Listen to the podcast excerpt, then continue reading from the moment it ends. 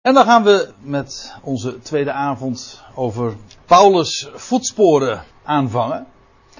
En de vorige keer, en het is wellicht even nuttig om wat terug te blikken, wat we toen hebben besproken. Toen hebben we eigenlijk een tweetal hoofdstukken besproken, maar dat is eigenlijk wel heel veel gezegd, omdat Paulus, of tot hoofdstuk 13 heet hij dan Saulus, nog maar heel uh, sumier genoemd is. In Handelingen 7 lees je dat en in Handelingen 8. En voor de rest heb ik wat inleidende opmerkingen gemaakt. Gewoon over de hele setting van het boek Handelingen. Waar gaat het nu eigenlijk over? Niet alleen maar wie is de schrijver, maar wat is het hele oogmerk van het boek. Um, je zou het boek op allerlei manieren kunnen aanduiden. Het zijn de handelingen van Jezus Christus. Dat in ieder geval. Want zo vangt het boek eigenlijk ook aan. Het zijn de handelingen der apostelen, zo is het natuurlijk erg bekend. Maar je zou het, maar dat is dan niet direct ontleend aan een frase in dit, in dit boek zelf. Maar als je de hele verhaaltrand en de hele verhaallijn eventjes in ogenschouw neemt, dan zou je het ook heel gemakkelijk kunnen noemen van Jeruzalem naar Rome. Want in Jeruzalem begint het allemaal en in Rome eindigt het. Je zou ook kunnen zeggen, het is van Petrus naar Paulus. Petrus speelt de grote hoofdrol, zeker in de eerste tien hoofdstukken. En vervolgens is het, zeker vanaf hoofdstuk 13, Paulus die de hoofdrol overneemt. Van Petrus naar Paulus. Je zou ook nog kunnen zeggen, maar het ligt eigenlijk allemaal erg in elkaars verlengde, deze drie varianten, van Israël naar de natie. Maar u begrijpt dat als ik zeg van Jeruzalem naar Rome, dan is dat ongeveer hetzelfde als van Israël naar de natie. En je zou ook zelfs nog kunnen zeggen dat van Petrus naar Paulus ook in die lijn past, omdat Petrus staat voor Jeruzalem, voor Israël, voor de besnijdenis, zoals Paulus staat voor de natie en voor Rome, daar waar hij uiteindelijk gevangen gezeten heeft en waar zijn uh, laatste brieven ook geschreven zijn.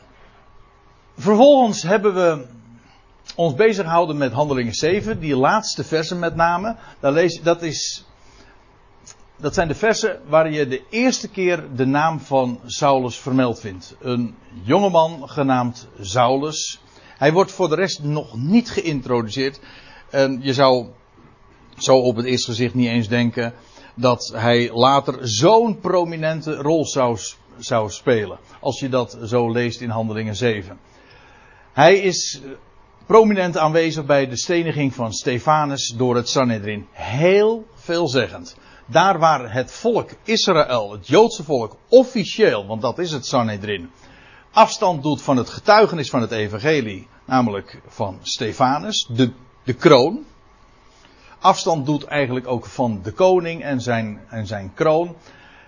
En waar Saulus daar de grote supporter is en die dat uh, daarmee hartstochtelijk instemt. Wel, daar vind je deze figuur die later zo uh, de hoofdrol gaat innemen in dit boek. En dan in Handelingen 8 lees je nog in die eerste drie, vier versen, wat is het? Dat hij als een verwoester van de Ecclesia tekeer gaat. En als ik zeg tekeer, dan denk ik dat ik daar niks te veel mee zeg. Eigenlijk is het ook zo dat hij eh, genoemd wordt in vers 3. Ja, zo wordt het beschreven. En, Saul, en Saulus verwoestte of vernielde de Ecclesia, de gemeente. De wijze waarop het geformuleerd wordt suggereert zelfs dat hij daarin de, de hoofdrol ook speelde. Dus als er één iemand is die de Ecclesia verwoestte, dan was hij het. We zullen dat trouwens straks ook nog wel zien. Dus het is dus maar niet zomaar een pionnetje in die beweging tegen de Nazareners of tegen de weg. Daar komen we trouwens ook nog over te spreken. Nee, hij is de, een, de meest vooraanstaande in dat verhaal. Nou, dat is zo ongeveer hetgeen wat we de vorige keer hebben besproken in een, in een paar pennenstreken. En dan stel ik voor dat we nu verder gaan bij handelingen 9, want De rest van handelingen 8, daar komt Saulus niet meer aan de orde. Dan lees je de geschiedenis van Filippus de Samaria. En ook nog de bekende geschiedenis van de kamerling uit Morenland, uit Ethiopië.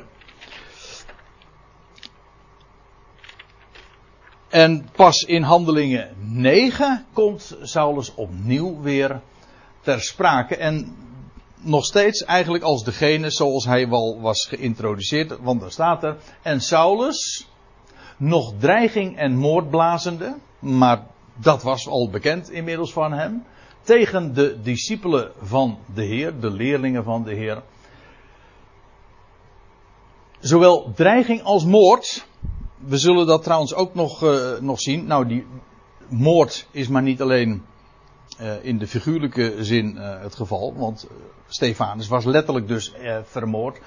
Maar we lezen ook dat hij, Paulus ook later no, nog dreigde met de dood. In hoeverre dat ook daadwerkelijk gebeurd is, weten we niet. In ieder geval in het boek Handelingen wordt daar geen melding van gemaakt. Maar hij nog dreiging en moordblazende tegen de discipelen van de Heer. Ja, en waarom? Wel, misschien is dat goed om dat nog eventjes uh, in herinnering te brengen. De, het echte motief waarom men zo enorm gekant was tegen deze Jezus en het getuigenis aangaande hem, wel, dat had alles te maken met de voorvaderlijke overleveringen. Dat is wat Paulus zelf ook noemt. Hij zegt in, uh, ik verwijs daarmee naar de gelaten brief. Nou, laten we het meteen maar even lezen. In Gelaten 1, vers 13, daar, is, daar staat. En dan blikt Paulus ook weer terug naar zijn vroegere leven en naar zijn roeping. Want dat doet hij nogal eens een keer. In zijn brieven, en in het boek Handelingen wordt daar trouwens ook uh, diverse keren over gesproken. Wist u trouwens, in Handelingen 9, in mijn Bijbeltje staat er boven de bekering van Saulus. Maar die geschiedenis van de bekering van Saulus wordt in dit boek, Handelingen, maar liefst drie keer beschreven. Vrij uitgebreid zelfs. Dat is heel eigenaardig waarom die geschiedenis herhaald wordt. Alleen daaruit blijkt al hoe basaal en hoe belangrijk en hoe een grote rol deze geschiedenis speelt. Waarom zou die geschiedenis drie keer herhaald moeten worden? Hier is het Lucas die dit optekent. Ja, natuurlijk in die andere gevallen is het ook Lucas die het optekent. Maar dan komt het uit de mond van Paulus zelf. In Handelingen 22 lees je een uitgebreid verslag dat uh, Paulus op de op de trappen staat van het tempelplein en dan zijn volksgenoot in de Hebreeuwse taal toespreekt. En dan grijpt hij ook terug op, het, op zijn hele voorgeschiedenis en dan verhaalt hij het ook. En het eigenaardige is dat je in al die drie geschiedenissen ook weer uh, andere bijzonderheden uh, ziet oplichten. Het is niet zo dat het allemaal één op één hetzelfde is. Sommigen hebben zelfs gezegd, er zitten uh, tegenstrijdigheden in. Nou, daar komen we ook nog wel over te spreken. Dat is absoluut niet het geval. maar, die, die, al die verhalen, al die geschiedenissen, die vullen elkaar aan. Maar nogmaals, uh, drie keer op het tempelplein, dus dat Paulus het zelf ook nog verhaalt. En later, als hij voor koning Agrippa staat, in Handelingen 26, lees je ook dat hij weer uitgebreid daarop ingaat. Hier is dus. Hier. Nou, laat ik even een slokje water nemen. Hier is dus de eerste vermelding van die geschiedenis. Maar goed, uh, we gelaten 1. Hier blukt Paulus in een brief dus aan de gelaten terug. En dan zegt hij, want jullie hebben gehoord eh, van mijn vroegere wandel in het Jodendom. Hij zegt, ik, ik heb de Ecclesia van God boven maten, er staat overtreffend vervolgd. Dus hoezeer er ook andere vervolgers uh, geweest zijn, en die waren er, maar hij was overtreffend. Want dat is het woord wat er letterlijk staat. Hyperbole. Dat is letterlijk zelfs overtreffen, over, overgooien. Dus in een extreme mate en zelfs in de meest overtreffende zin. Wij spreken daar ook over, hè? overtreffende trap. Wie was de, de grootste vervolger van de Ecclesia? Dat was Paulus. Een overtreffende vervolger. We zullen later nog zien. Alleen al om die reden is hij ook met recht. Of kan hij zich met recht ook de eerste der zondaren noemen. Dat zullen we, ik denk, vanavond ook nog wel even zien als we naar Timotheus gaan. Als Paulus ook weer even uh, terugblikt. Maar de eerste der zondaren. Ja. Waar, waarom dat dan zo aangemerkt wordt, dat, uh, dat komen we daar nog wel even over te spreken. Maar hier dus al uh, de gemeente van God extreem overtreffend vervolgd en haar getracht uit te roeien. Dat getracht staat er trouwens niet eens. Ik heb haar, ik was bezig haar uit te roeien. Ik richtte haar te gronden. Dat is wat hij deed. En we hebben ook gezien, vorige keer, dat de, dat, ja, dat lazen we in Handelingen 8. Vers 1 staat dat nog, halverwege vers 1. Er ontstond, dat was na de steniging van Stefanus, er ontstond te dien dagen een zware vervolging tegen de gemeente te Jeruzalem. En allen werden verstrooid over de streken van Judea en Samaria, met uitzondering van de apostelen. Dus overal gingen ze naartoe vanwege die enorme vervolging. Wat trouwens een averechts effect had, want dat betekende juist dat het evangelie juist buiten Jeruzalem terecht kwam. En daar ook verspreid werd. Maar dat is altijd zo. Waar, ver, waar vervolging is, daar wordt het evangelie juist des te sterker bekrachtigd. En de verkondiging daarvan. Hoe was het uh, uitspraak ook alweer? Het bloed der martelaren is het zaad der kerk. Zo uh, noemden we, zo kreeg ik dat vroeger te horen. Gehoord van die uitdrukking? Ja? Dat wil zeggen, de gemeente groeit juist daar waar, uh, waar er vervolging en marteling is. Nog even terug naar Galaten 1. Uh, hij zegt, ik heb de gemeente bovenmate vervolgd en haar getracht uit te roeien. En in het Jodendom heb ik het verder gebracht dan vele van mijn tijdgenoten. Hij, was, hij zat aan de voeten van Gamaliel, zullen we ook later nog wel zien. En hij zegt, als hartstochtelijk ijveraar voor mijn voorvaderlijke overleveringen. De tradities van mijn vader. En dat bracht hem in die tomeloze woede tegen de Ecclesia en tegen de hele beweging rond de, die verachte Nazarener. Het was de traditie de orthodoxe traditie, godsdienstig, zeer zeker, juist, maar die verblindde hem en die zorgde ervoor dat hij, dus feitelijk komt het erop neer dat wat, je, wat hij zegt hier in vers 14 van Galaten 1, namelijk dat hij het in het Jodendom zo ver gebracht had en dat hij een hartstochtelijk ijveraar was voor de voorvaderlijke tradities, dat maakte dat hij een, een een overtreffende vervolger was van de gemeente Gods. Het een hangt samen met het ander. Juist dat verblindde hem en dat maakte hem zo'n enorme hater en in de praktijk ook een overtreffende vervolger. Dus vandaar. En dan lees je, Saulus nog dreiging en moord blazende tegen de discipelen van de Heer, ging naar de hoge priester en dat is dan vermoedelijk nog steeds diezelfde Caiaphas die we ook in de evangelie aantreffen.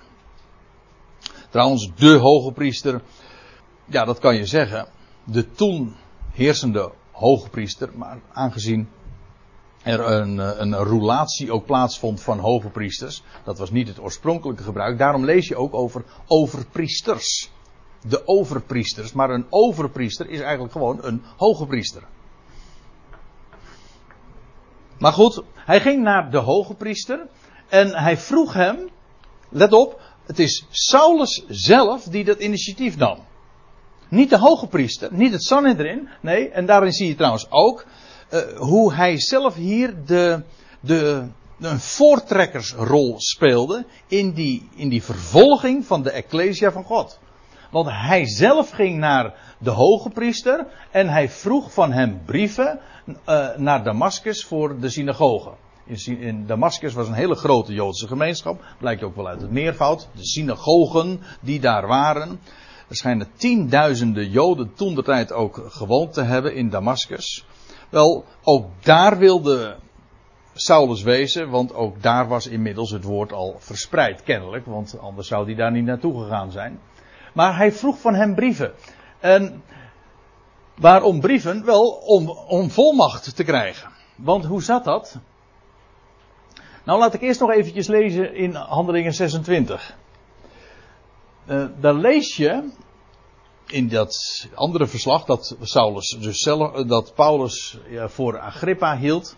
En dan lees je dat Paulus terugblikkend zegt: En in alle synagogen trachtte ik hen, hen dat, is, dat zijn die discipelen dus, dikwijls door toepassing van straffen tot lastering te dwingen.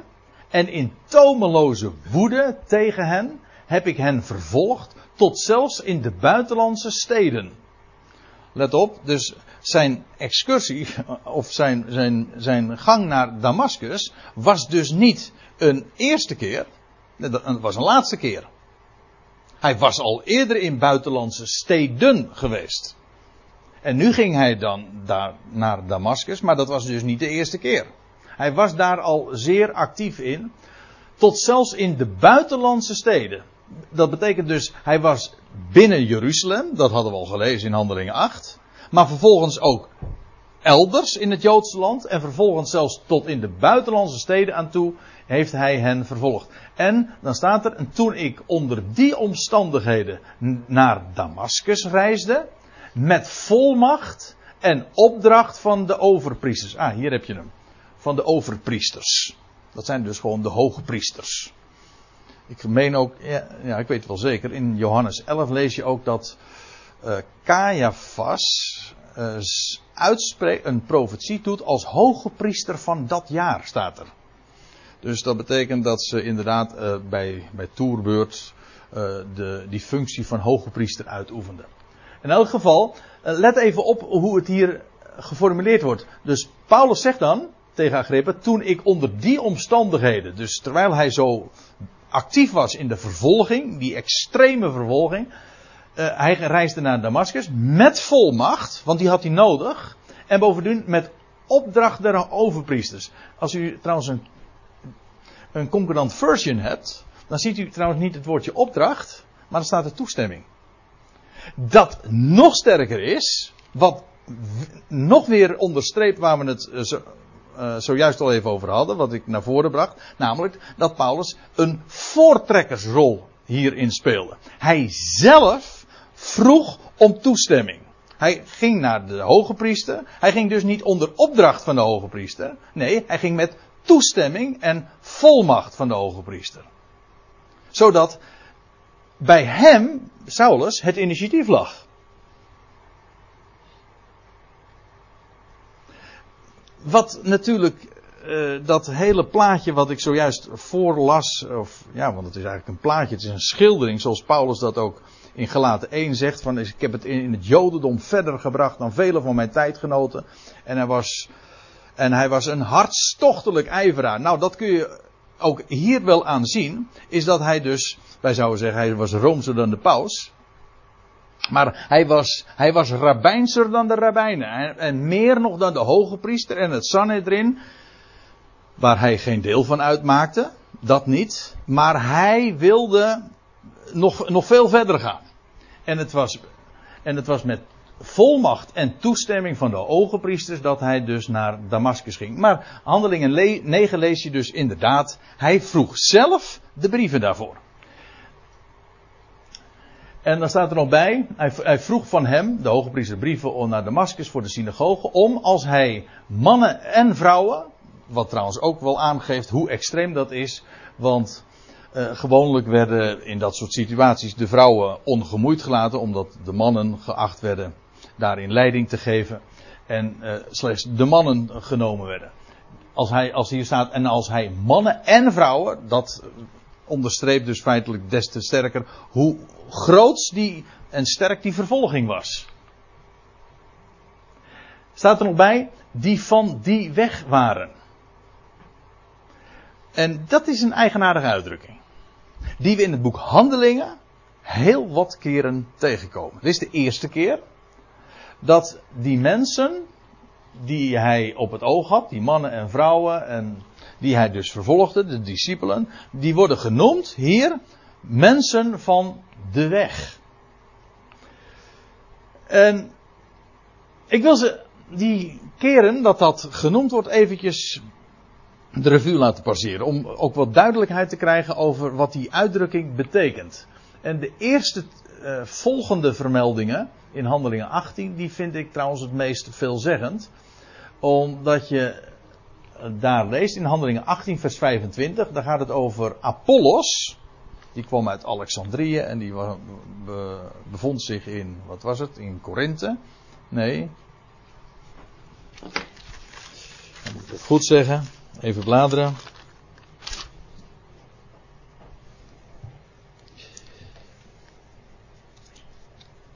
Jawel, wel te Korinthe. Ja, en later ging hij naar Efeze. Maar goed, in elk geval, die Apollos die was ingelicht omtrent de weg des Heren. En het loutere feit dat hier dan staat de weg eh, des Heren geeft al aan over welke weg we het dan hebben. De, de weg namelijk uh, van de Heer. En dan staat er nog bij, en vurig van geest sprak en leerde hij nauwkeurig hetgeen op Jezus betrekking had, of schoon hij alleen wist van de doop van Johannes. Maar hier dus uh, die vermelding ook van de weg. Uh, even later, oh wacht, ja even later, het is Paul het volgende vers. Dan staat er, en deze begon vrijmoedig op te treden in de synagoge. En toen Priscilla en Aquila hem hoorden, namen zij hem tot zich en legden hem de weg van God nauwkeuriger uit. Want hij was nog niet op van de nieuwste ontwikkelingen op de hoogte. Hij wist niet van de dood en de opstanding van Christus. Kennelijk, want hij wist alleen van de doop van Johannes. En het zijn Priscilla en Aquila die hem de weg uh, nauwkeuriger uh, uitleggen.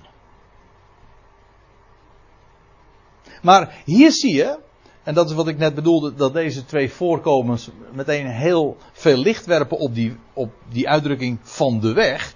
Omdat het aangeeft, het gaat, over welke weg gaat het? Nou, het gaat over de weg van de Heer. De weg die de Heer gaat, de weg die de Heer wijst, de weg die in de schriften getoond wordt, oftewel hier de weg van God. En dan, je zou trouwens nog kunnen verdedigen dat dit niet echt eerlijke voorbeelden zijn, omdat hier niet gesproken wordt over mensen van de weg. En dat geef ik toe. Maar ik vond ze toch uh, veelzeggend genoeg om ze er even bij te betrekken, omdat hier wel degelijk sprake is van de weg. Dat wel. Maar goed, uh, als u andere voorbeelden wil, want die zijn inderdaad wat uh, meer in de lijn van wat we zojuist in Handelingen 9 zagen. Toen sommigen verhard en ongehoorzaam bleven. Het gaat hier trouwens over Paulus die in Efeze is. En dan lees je en ten verhard en ongehoorzaam bleven. En ten aanhoren van de menigte kwaad bleven spreken van de weg. Maakte hij zich van hen los. En dan lees je dat Paulus twee jaar lang in de school van Tyrannus actief wordt en daar onderwijs geeft. Men spreekt men sprak kwaad over de weg. Handelingen 9 lees je over mannen en vrouwen van de weg. Hier lees je over uh, het kwaadspreken over de weg. De menigte deed dat. Of nou nee, eigenlijk er wordt ten aanhoren van de menigte kwaad gesproken. In ieder geval, de weg blijkt een heel controversieel eh, verhaal te zijn. Dat zie je iedere keer. Uh, hier in Handelingen 19 weer. En omstreeks dat tijdstip ontstond, nog steeds in Efeze trouwens, ontstond er geen geringe opschudding in zaken de weg. Dus het was maar niet zomaar een bepaalde theorie of een verhaal. Nee, het was altijd controversieel. Het, uh, opschudding, uh, kwaadsprekerij en uh, grote vervolging lazen we zojuist. Handelingen 22. Daar zegt Paulus, en ik heb, ik, oh ja, daar zegt Paulus het zelf, ik heb deze weg ten dode toe vervolgd. Door mannen en vrouwen in boeien te slaan en gevangen te zetten. Oh ja, hier is dat ten dode toe vervolgd. Dat is waar ik eh, al even eerder op doelde. Ten dode toe vervolgd.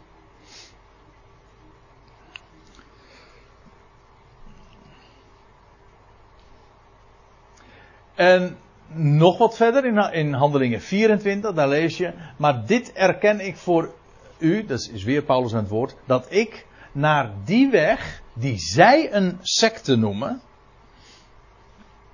Over uh, controverse gesproken. Zij, intern sprak men over de weg en mensen spraken over de weg, maar dat was een secte. Laatdunkend. En dan lees je in Handelingen 24 nog. Oh, uh, ja, even een paar versen uh, later. Als hij voor Felix, stadhouder Felix, zijn woord doet. Maar Felix, die zeer goed van de weg op de hoogte was, verdaagde hun zaak. Dus die was goed ingeleid in uh, alles wat met dat onderwerp te maken had. Hoewel hij duidelijk afstand hield. Maar hij was op de hoogte, dat wist hij. Maar wat dus opmerkelijk is, dat hier dat geloof in het evangelie, dat wordt genoemd de weg. En mensen die dat accepteerden en geloofden en dat uitdroegen, dat waren mensen of mannen en vrouwen van de weg. De weg. En waar ik dan ook uh, trouwens, ja, meteen aan denk. Precies, Johannes 14, vers 6. Dat de Heer zegt, ik ben de weg de waarheid en het leven. Zodat de weg maar niet alleen maar een leer is aangaande hem, maar hij is. Het is een persoon. De weg is iemand. De weg, de waarheid en bovendien het leven. Is dan de rechte weg? Is dat nog een soort overtreffende? De rechte weg? Waar? Over de rechte weg van het evangelie, bedoel je? Ja, of, of, daar hetzelfde uitdrukking gebezigd wordt, weet ik niet. Zouden we straks even in de pauze moeten kijken.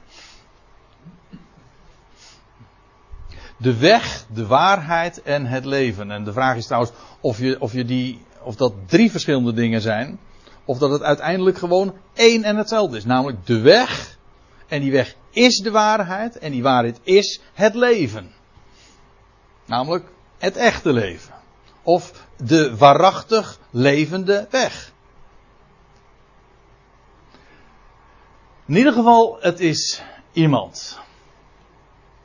Christus. Dat kan niet missen.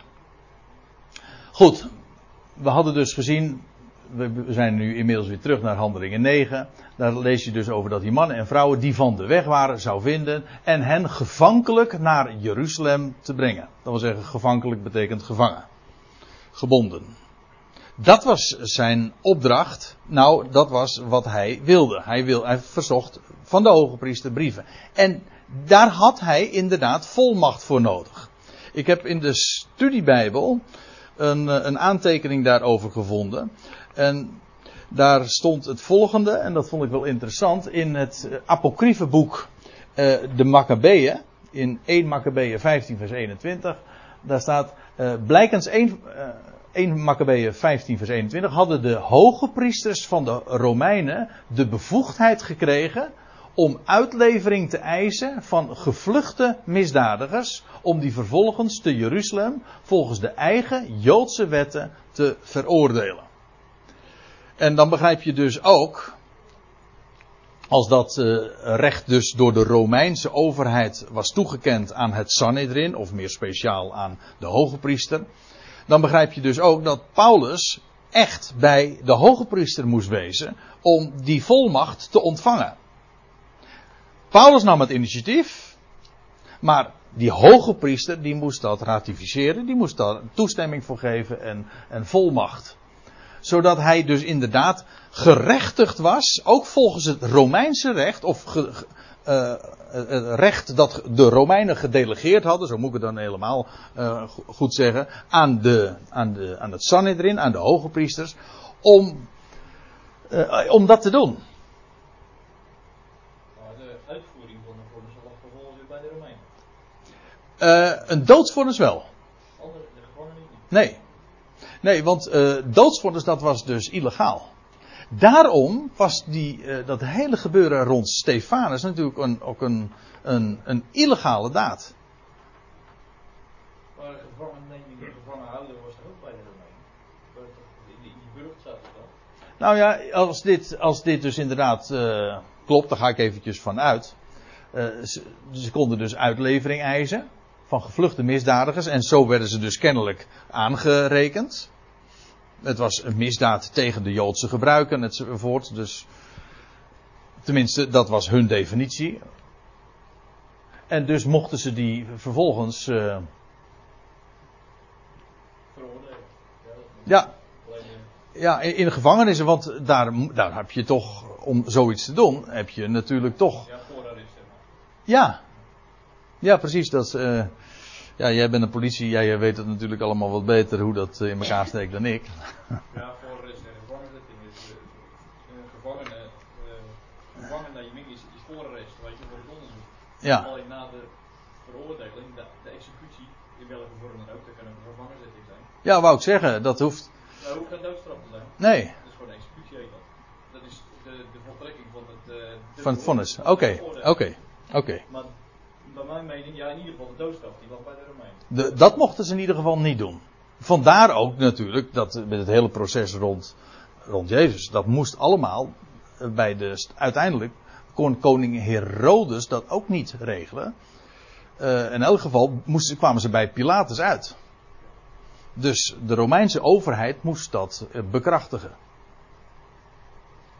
Wat de hele zaak van rond Stefanus des te eigenaardiger maakt.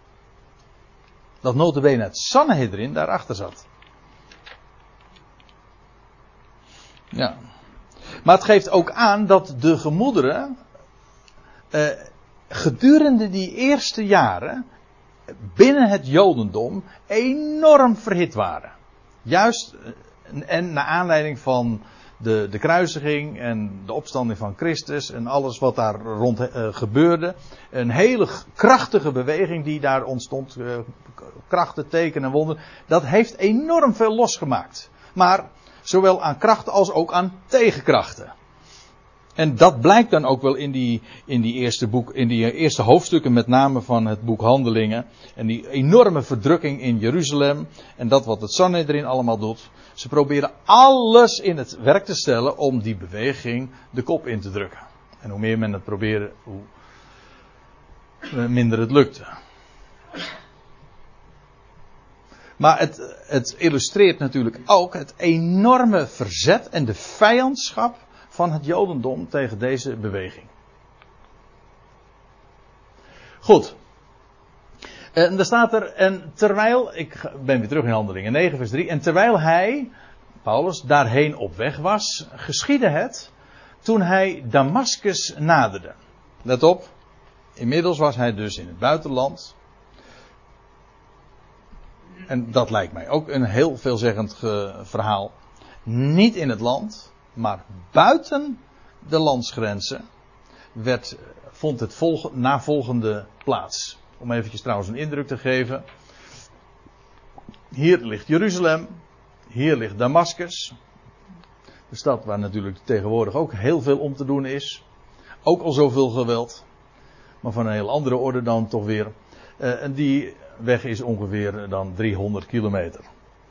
En die weg is Paulus uh, gegaan. Nou ja, dit is dan de autoroute, heb ik begrepen.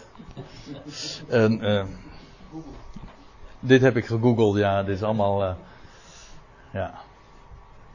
Maar de route zal toch niet zo heel sterk afgeweken hebben, lijkt mij. En toen hij Damascus naderde, gebeurde het dat hem plotseling licht uit de hemel omstraalde. En dat was, zo lezen we in die andere verslagen, rond het middaguur. Je leest in Handelingen 22, vers 6. Het gebeurde mij toen ik op mijn reis dicht bij Damascus gekomen was, dat plotseling omstreeks de middag uit de hemel een fel licht mij omstraalde. En in Handelingen 26, daar zegt Paulus, toen zag ik, o koning, Agrippa, midden op de dag, onderweg een licht schitterender dan de glans der zon. Van de hemel mij en hen die met mij reisden omstralen. Ja, en ik wees er eh, zojuist al even op. Deze roeping, dat wat er nu beschreven gaat worden, vindt buiten het Joodse land plaats. Het Joodse land dat zich zo verzette tegen het evangelie. En nu gaat Saulus van Tarsus naar Damascus toe. En juist daar, in het maar nu in het buitenland, daar wordt hij geroepen. En dan wil ik op nog iets wijzen, en dat is uh, de, tot het enorme verschil met de wijze waarop Saulus geroepen wordt. Hier wordt. Goed, ik praat nu een beetje voor mijn beurt, want de, de echte roeping moet nog plaatsvinden. Moeten we, maar goed, dat is handelingen 9. Maar hij ziet een, een schitterend licht schitterender dan de glans der zon. Het vond notabene plaats rond het middaguur. Maar een fel licht omstraalde hem. Niet alleen hem, maar ook hen die met mij reisden. Een hemels licht. En wat ik met deze opmerking dus bedoelde, zou de, de twaalf, de, de, de andere apostelen, die, voor, die voorheen al hun, hun het evangelie predikten, die kenden Jezus als de opgestane. Zo predikten ze hem ook in, een, in de heerlijkheid van zijn opstandingslichaam. Maar dit is toch echt van een nog veel hogere orde. Dat begrijpt u wel. Dat is echt een verschil van hemel en, op, en aarde. Zij waren geroepen door een Messias, een opgestane Messias op aarde. Hier wordt hij wordt Saulus geroepen vanuit de hemel door een, door een uh, licht schitterender dan de glans der zon. Oogverblindend. En als ik dat zo zeg, dan zeg ik natuurlijk niks te veel, want dat is precies wat er gebeurde. Het was oogverblindend. Wat daar uh, plaatsvond. En zo komt hij oog in oog te staan met de opgestane Messias. Maar op buiten het land, let op, en van een veel hogere, namelijk van een hemelse orde. En zo oogverblindend groots en heerlijk. Schitterender. Of ik geloof dat er inderdaad staat heerlijker dan de glans der zon. Maar dat zeg ik even met onder voorbehoud. Ik meen me zoiets te herinneren. En dan lees je, en ter aarde gevallen, dat was niet alleen trouwens uh, het geval bij hem. Paulus, uh, Saulus viel ter aarde, maar je leest ook van zijn medereizigers. Ik ga weer even naar Handelingen 26. Daar staat, uh, ze zagen, hij zag een licht, schitterender dan de glans der zon. Nou, dat lazen we zojuist al. Van de hemel mij en hen die met mij reisden omstralen. En toen wij allen, wij, dus inclusief die medereizigers, toen wij allen ter aarde vielen. Dus die hebben dat licht ook gezien. Daar is meer over te zeggen dan ik nu doe, maar daar komen we van, vanzelf nog over te spreken. In elk geval, uh, hij viel ter aarde en staat er, en ik, ik hoorde een stem, hoorde hij een stem tot zich zeggen, en dat was in de Hebreeuwse taal. Dat staat hier niet, maar dat lezen we ook in Handelingen 26. Dat is wat ik dus uh, al even eerder aangaf met uh, die verschillende verslagen vullen elkaar dus aan. Je leest in Handelingen 26, vers 14. En toen wij allen ter aarde vielen, hoorde ik een stem tot mij spreken in de Hebreeuwse taal. Saul, Saul, Shaul, Shaul, waarom vervolgt gij mij? Dat is uh, leuk, want er staat hier in de Hebreeuwse taal. In het, in, in het Grieks staat hier in, uh, in de Hebreeuwse dialect. Ziet u? Is, ons woord dialect komt gewoon rechtstreeks uit het, uit het Grieks. Een Hebreeuws dialect. Dat klopt ook wel, want het was het Aramees. Niet echt Hebreeuws, maar of de Hebreeuwse omgangstaal, het Aramees. In die taal werd hij toegesproken. Een taal vanuit de hemel. En als u het mij vraagt, ook een hemelse taal. Uh, nou, in ieder geval het Hebreeuws. ja. De, ik zeg niet het dialect, maar het was het, de, het, het het He, dat betekent trouwens ook van de overkant. Dat vind ik altijd een, een hele mooie notie, omdat het aangeeft dat ja, een Hebreeër is iemand die van de andere kant komt. Een doortrekker, een pelgrim. Maar ook eh, de taal die hij spreekt, die komt van de overzijde. De, bedoel, de eerste woorden die klonken, dat waren Hebreeuwse woorden. Als God zegt, er zij licht, dat was Hebreeuws. Zo, zo staat het opgetekend. En Adam en Eva, ik bedoel, zij hadden Hebreeuwse namen. Het is de taal die van de andere kant komt. Vandaar ook dat ze boordevol symboliek zit. Uh, en dat ze. De, de, dat geldt voor de letters, de woorden en de getalswaarden. Het is echt een goddelijke taal. Een taal van de andere kant. Als er een taal uh, klinkt vanuit de hemel, dan is dat in het Hebreeuws.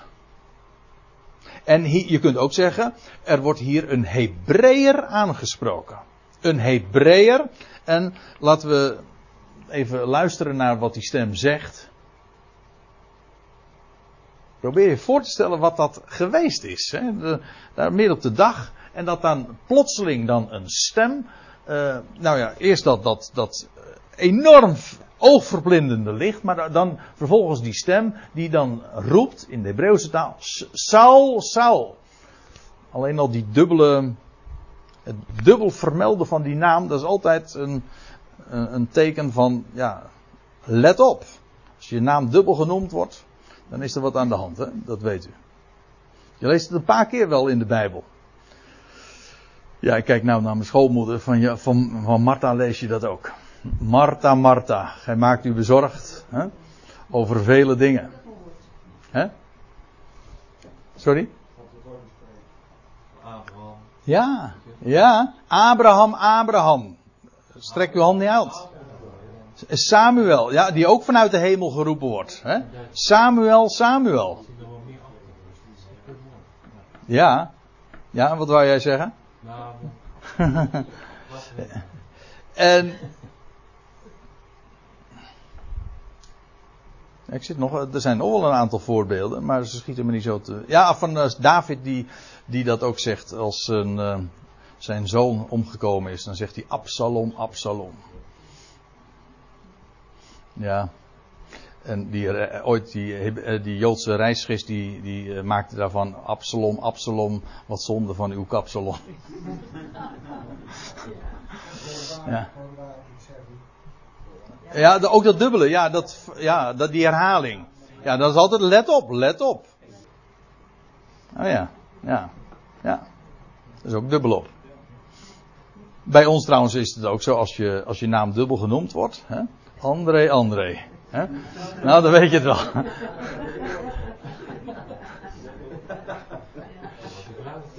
Ja, vooral als je vrouw zegt, ja. Uh, Saul, Saul, maar wacht even, wat zit hierachter? Want Saul is natuurlijk de naam van, ja, van deze Benjamin niet. Maar als ik het zo zeg, dan zeg ik het ook dubbelzin, dubbelzinnig. Want uh, Saul, de vermaarde koning, waar deze Saul naar genoemd is, dat was deze, ja, oh dat is wat ik wilde zeggen. Deze Saul die hier geroepen wordt op de weg naar Damascus, was uit de stam van Benjamin. Maar hij was vernoemd naar ooit naar de vermaarde koning, die ook uit de stam van Benjamin kwam.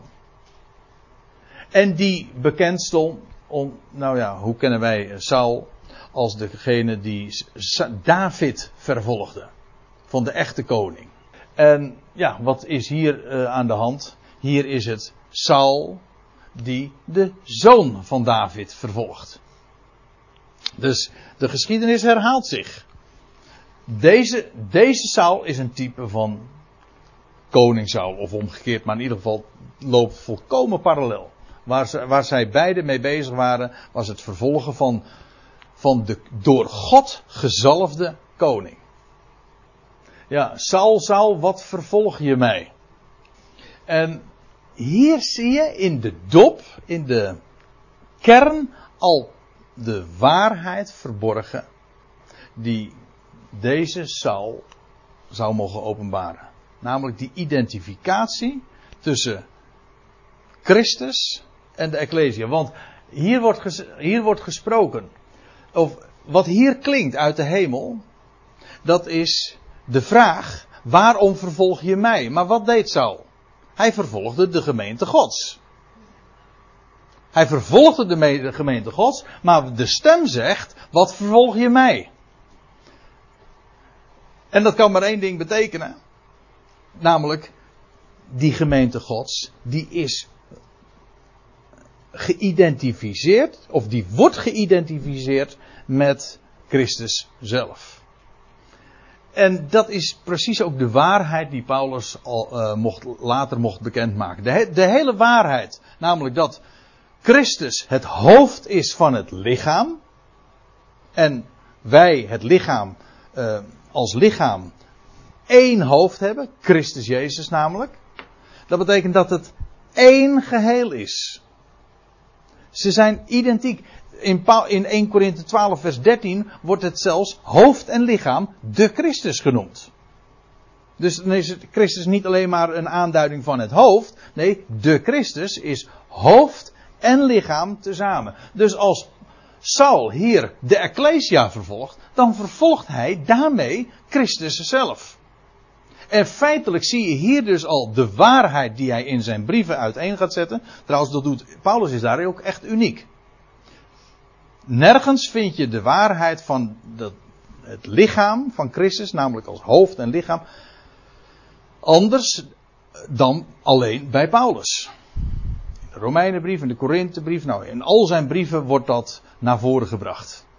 En ik vind het zo geweldig dat meteen bij zijn roeping wordt dat al onderstreept door die vraag die hier klinkt. Hier ligt al in verborgen, dat is trouwens ook wel veelzeggend, hier ligt al in verborgen, Christus en de gemeente zijn één. Hij vervolgde de gemeente, maar, Paulus, maar hij krijgt te horen, wat vervolg je mij? Ja? Maar op dat moment bestond die gemeente toch alleen nog maar uit Israëlieten. Uit Joden. Ja. Paulus werd nog geroepen, dus eh, als dat Ja. van de heidenen. Ja, maar bestond de gemeente daardoor nog nog niet? Ja, Ik bedoel, de gemeente was er al. Ja, eh, ja. Joden die tot eh, geloof eh, waren gekomen dat Christus de Zoon van God is. Ja, ja. Ja, nou kijk, je, eh, terwijl zo'n vraag gesteld wordt, er komt natuurlijk een andere vraag eh, om de hoek kijken. En dat is, wanneer ontstond de, de gemeente natuurlijk? Ja, ik, ik het ging ook tegen. Ja. Ja, ik eh, zelf heb daar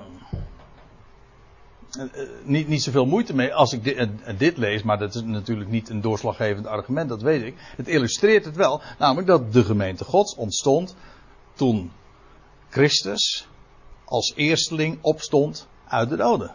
Het, hij was het hoofd. Kijk, de waarheid van de gemeente als hoofd en lichaam, dat werd pas aan Paulus geopenbaard. Maar daarom, dat wil niet zeggen dat die gemeente toen pas ontstond.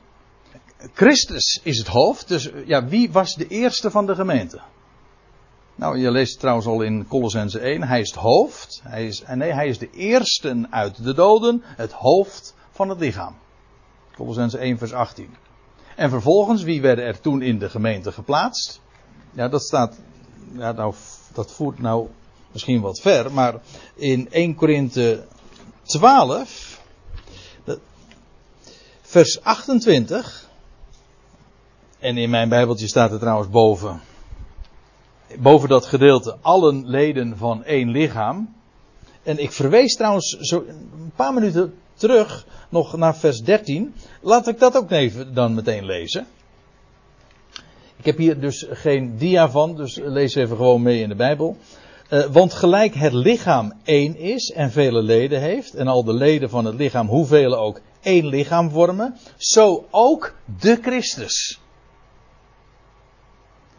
Hier zie je dus, al die leden van het, eh, van het lichaam, die worden vergeleken met de Christus. Want door één geest zijn wij allen tot één lichaam gedoopt. Het zijn Joden, het zijn Grieken, het zijn slaven, het zijn vrije. Allen zijn wij met één geest gedrenkt. Natuurlijk, dit is in een veel later stadium. Hier is Paulus een apostel, hier is de gemeente van Korinthe al ontstaan.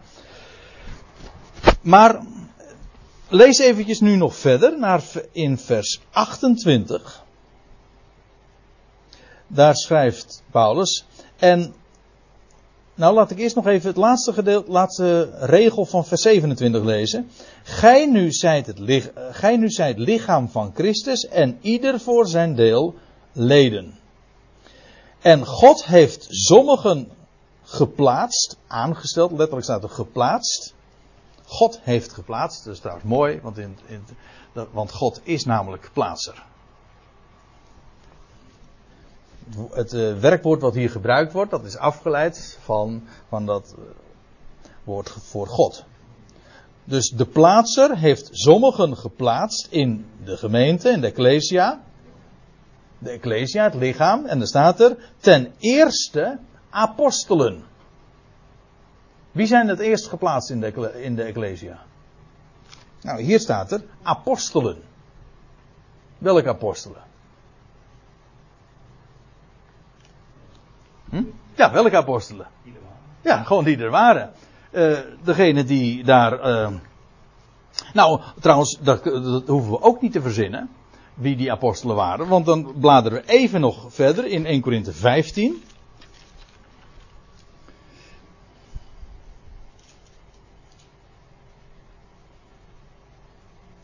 Dat Paulus zegt.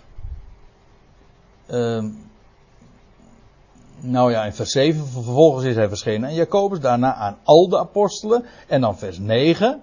Nou nee, het allerlaatste is hij ook aan mij verschenen. Laten we bij het onderwerp blijven, want dat is handelingen 9. Het allerlaatst is hij ook aan mij verschenen, als aan een ontijdig geborene.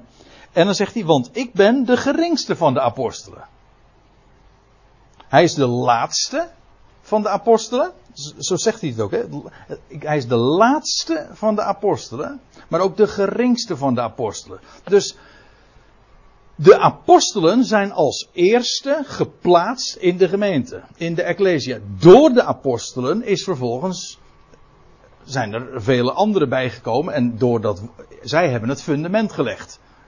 Paulus zegt in Efeze 2 dat Christus de hoeksteen is. En de apostelen het fundament. En zij hebben het woord verkondigd. En de laatste van die apostelen, maar ook de bekroning, nou ja, dat hoef ik u niet te vertellen. Daar gaat het nu even niet om. En de laatste van die apostelen, dat is Paulus. Dus als je nu de vraag stelt van ja, wanneer is die Ecclesia ontstaan? Nou, Paulus was een, een vervolger van de Ecclesia. Van de Ecclesia Gods. Oh, dat is trouwens ook nog een, een aardig in dit verband. Want uh, je leest, we zijn nog in de Korinthebrief, heb, tenminste, als het goed is, heb je je vinger daar nog bij. Uh, in 1 Korinthe 15 lazen we dus, uh, vers 9, ik ben de geringste, 1 Korinthe 15 vers 9 ja, want ik ben de geringste van de apostelen. Hoezo? Nou, niet waard een apostel te heten, omdat ik de gemeente Gods vervolgd heb. Maar wat is die gemeente Gods? Je nou even, blader nu nog even terug. Uh, naar het eerste hoofdstuk van 1, van 1 Korinthe. Dan staat er in vers 1, Paulus, een geroepen apostel van Christus Jezus, door de wil van God. Met andere woorden, ik wilde het niet, maar God wilde het. Dat vind ik heel mooi. Door, ik, ja, het is niet Paulus' keuze geweest. Uh, door de wil van God. En dan staat er. En Sostenus, de broeder, aan de gemeente Gods te Korinthe. Niet de gemeente Gods van Korinthe, maar de gemeente Gods te Korinthe. Een groot verschil, hè? Het is niet zo dat elke plaats zijn eigen gemeente heeft. Nee, het is de gemeente Gods, alleen hier te Korinthe. Die gemeente Gods die manifesteert zich op allerlei plaatsen. Maar wat ik, waarom gebruik ik dit? De gemeente Gods, dat is dat lichaam van Christus. Dat begon bij het hoofd, dat opstond uit de doden en vervolgens werden in die gemeente als eerste gesteld de apostelen. En door de apostelen zijn er vele andere gelovigen bijgekomen. En de laatste van de apostelen is Paulus. Waarom? Wel, het allerlaatst is hij aan mij verschenen. Een kenmerk van een apostel is dat hij de Heer zelf gezien heeft. Daarom blijkt dus ook dat Paulus zo'n hele aparte apostel is, want hij heeft op een veel later tijdstip eh, Christus gezien. En op een, op een heel andere plaats ook dan de andere. En ook op een heel andere, veel hoger niveau, op een heel andere wijze. Dat, dat demonstreert allemaal het unieke van zijn apostelschap. Maar wat ik er eigenlijk even mee wil zeggen is, want we zijn natuurlijk nog steeds in Handelingen 9 vers 4. Het gaat even over die vraag. eh, wie, hij vervolgde de gemeente gods. En Christus, die hier spreekt, die zegt, je vervolgt mij. Dat wil zeggen, die gemeente gods, dat is Christus. Dat is hoofd en lichaam. En ja, ik kan er eh, niet onderuit. Ik weet dat er heel andere opvattingen ook over bestaan. Maar ik kan er persoonlijk niet onderuit dat inderdaad de gemeente ontstaan is bij, eh, bij de opstanding van Christus. Ook al werd de waarheid aangaande die gemeente en wat de identiteit is, namelijk van hoofd en lichaam en zoveel meer, dat werd later geopenbaard aan Paulus. Dat is zeker waar. Dat was hier allemaal. Hier was de gemeente Gods in dit stadium nog een volstrekte Joodse aangelegenheid. Dat zeker. Ja, nou, en nu zouden we verder gaan met vers 5, maar ik denk dat we er verstandig aan doen dat we eerst even gaan pauzeren.